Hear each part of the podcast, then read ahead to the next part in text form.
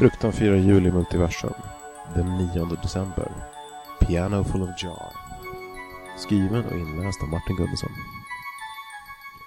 Den här kvällen var ljuset som vilade över baren lite skummare, lite sjaskigare än vanligt. Längs den slitna disken och i dunkla bås satt folk och figurer som kunde sälja guidade turer till livets skuggsida. Rummet surrade av hesa skratt och muttranden, av kortspel och fylletango. Barens tak var dolt i ett moln av rökslingor från hundratals pyrande stumpar och pipor, stoppade med all världens rökverk.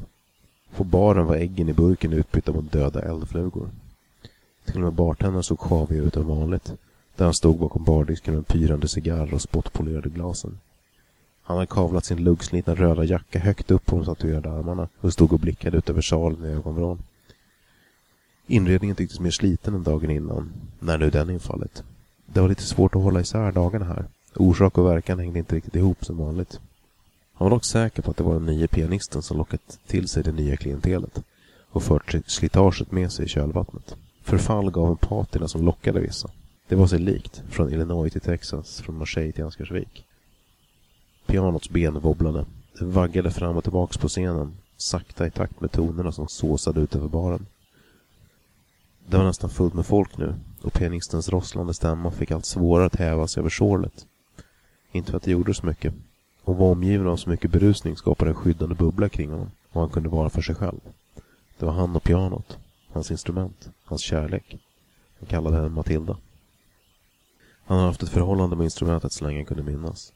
Han hade vunnit henne på ett vad med skärva och månljus en gång. Han kände och älskade varje millimeter av hennes kropp. Hennes korta, kurviga ben och hennes förföriska klaviatur. Ibland undrar han om han någonsin skulle kunna forma sin kärlek till en lovsång värdigt det pianot. Det var frustrerande hans tillkortakommande, så frustrerat att visade sin kärlek genom att banka sina knutna nävar blodiga över dess elfenbensgrin. Han hoppades att han aldrig skulle bli så kär igen i något annat. Han undrade om pianot inte kände samma sak för honom, om det var frustrerat i sin ordlöshet. Det kändes som det vaggade under hans händer och han hade börjat misstänka att det drack för mycket så fort han vände ryggen till. Han visste vad det sades under pianot. Att det bodde en ondska i hennes strängfyllda inre. Att hennes hjärta var svart och hade förlett och förgjort fler själar än hans. Att hon stått ofta till svars men aldrig kunnat fällas. En rörelse i ögonvrån fångade hans uppmärksamhet och drog honom ur funderingarna. Någon närmade sig. Han ignorerade det och hoppades på att vem det än var skulle dra sig iväg om han inte fick uppmärksamhet. Han lät ett sista ackord ringa ut och svepte i sig de sista dropparna av bourbon från glaset. Stirrade på notställets tomhet, fokuserade på träet och viljan att vara i fred. Äh, mister? Rösten var ljus, barnslig eller kanske mer efterbliven än barnslig. Pianisten suckade. Ett jobb och ett jobb. Innan du frågar något får du hämta nytt dricka åt mig. Yes boss. Mm. Vad du så ville ha? Pianisten tittade upp och bort mot baren. Funderade på hur länge han kunde få vara i fred. Den där tatuerade fånen med läderförklädet vet vad jag vill ha. Och säg åt honom inte snåla med månskenet. Figuren lommade iväg med gungande steg. Pianisten kunde inte låta bli att följa honom med blicken. Det var först nu han såg på honom. Det var en underlig figur. Långsmal och avslappnat ihopsjunken. Med öron som en utmärgad beagle. Pianisten tände en cigg och undrade om baren inte hade någon som helst standard för vilka typer de släppte in egentligen. Han började spela en ny låt. Ett 12 minuters epos om människor på livets skuggsida eller människans synd eller vad det nu var. Med lite tur levererade figuren hans drink och han tröttnade och gå någon annanstans innan han var klar. Det visade att han underskattade hans envishet. När tonerna skorrade tystnad så stod han där med två glas och en tallrik flugkanapéer i sin simhudsförsedda labbar och ett fånigt leende. Visa tillbaka!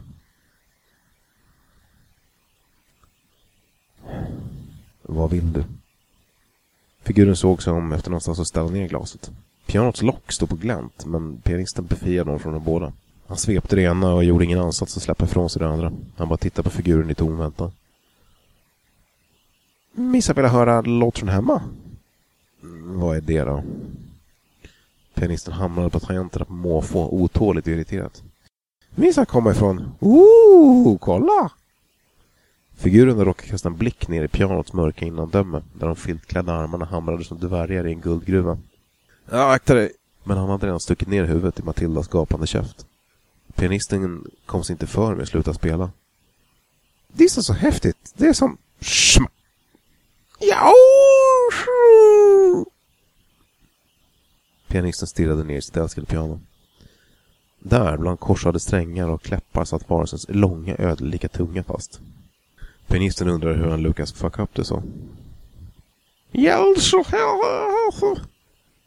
Pianisten stirrade en god stund och började sedan åter sakta spela.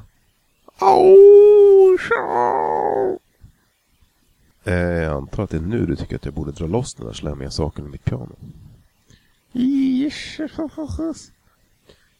Han hamrar ytterligare några toner och vrider sitt fårade ansikte till ett leende. Säg mig, vad skulle du göra om du var lika dålig som jag? Skulle du hjälpa till? Ah, förlåt mig, du kan ju inte säga något. Han slår några breda ackord på pianot. Knappast. Det finns några saker som jag aldrig kunnat lita på. Kvinnor som gråter, advokater som bryr sig, gunganer som sluddrar. Du får ursäkta. Såja, håll still. Klangen blir ju riktigt bra. Jag tror du får stanna. Han sätter sig till rätta och går in i melodin. Ur pianot strömmar en lättjefull vals, en triumferande hyllning till baren och dess förfallna klientel.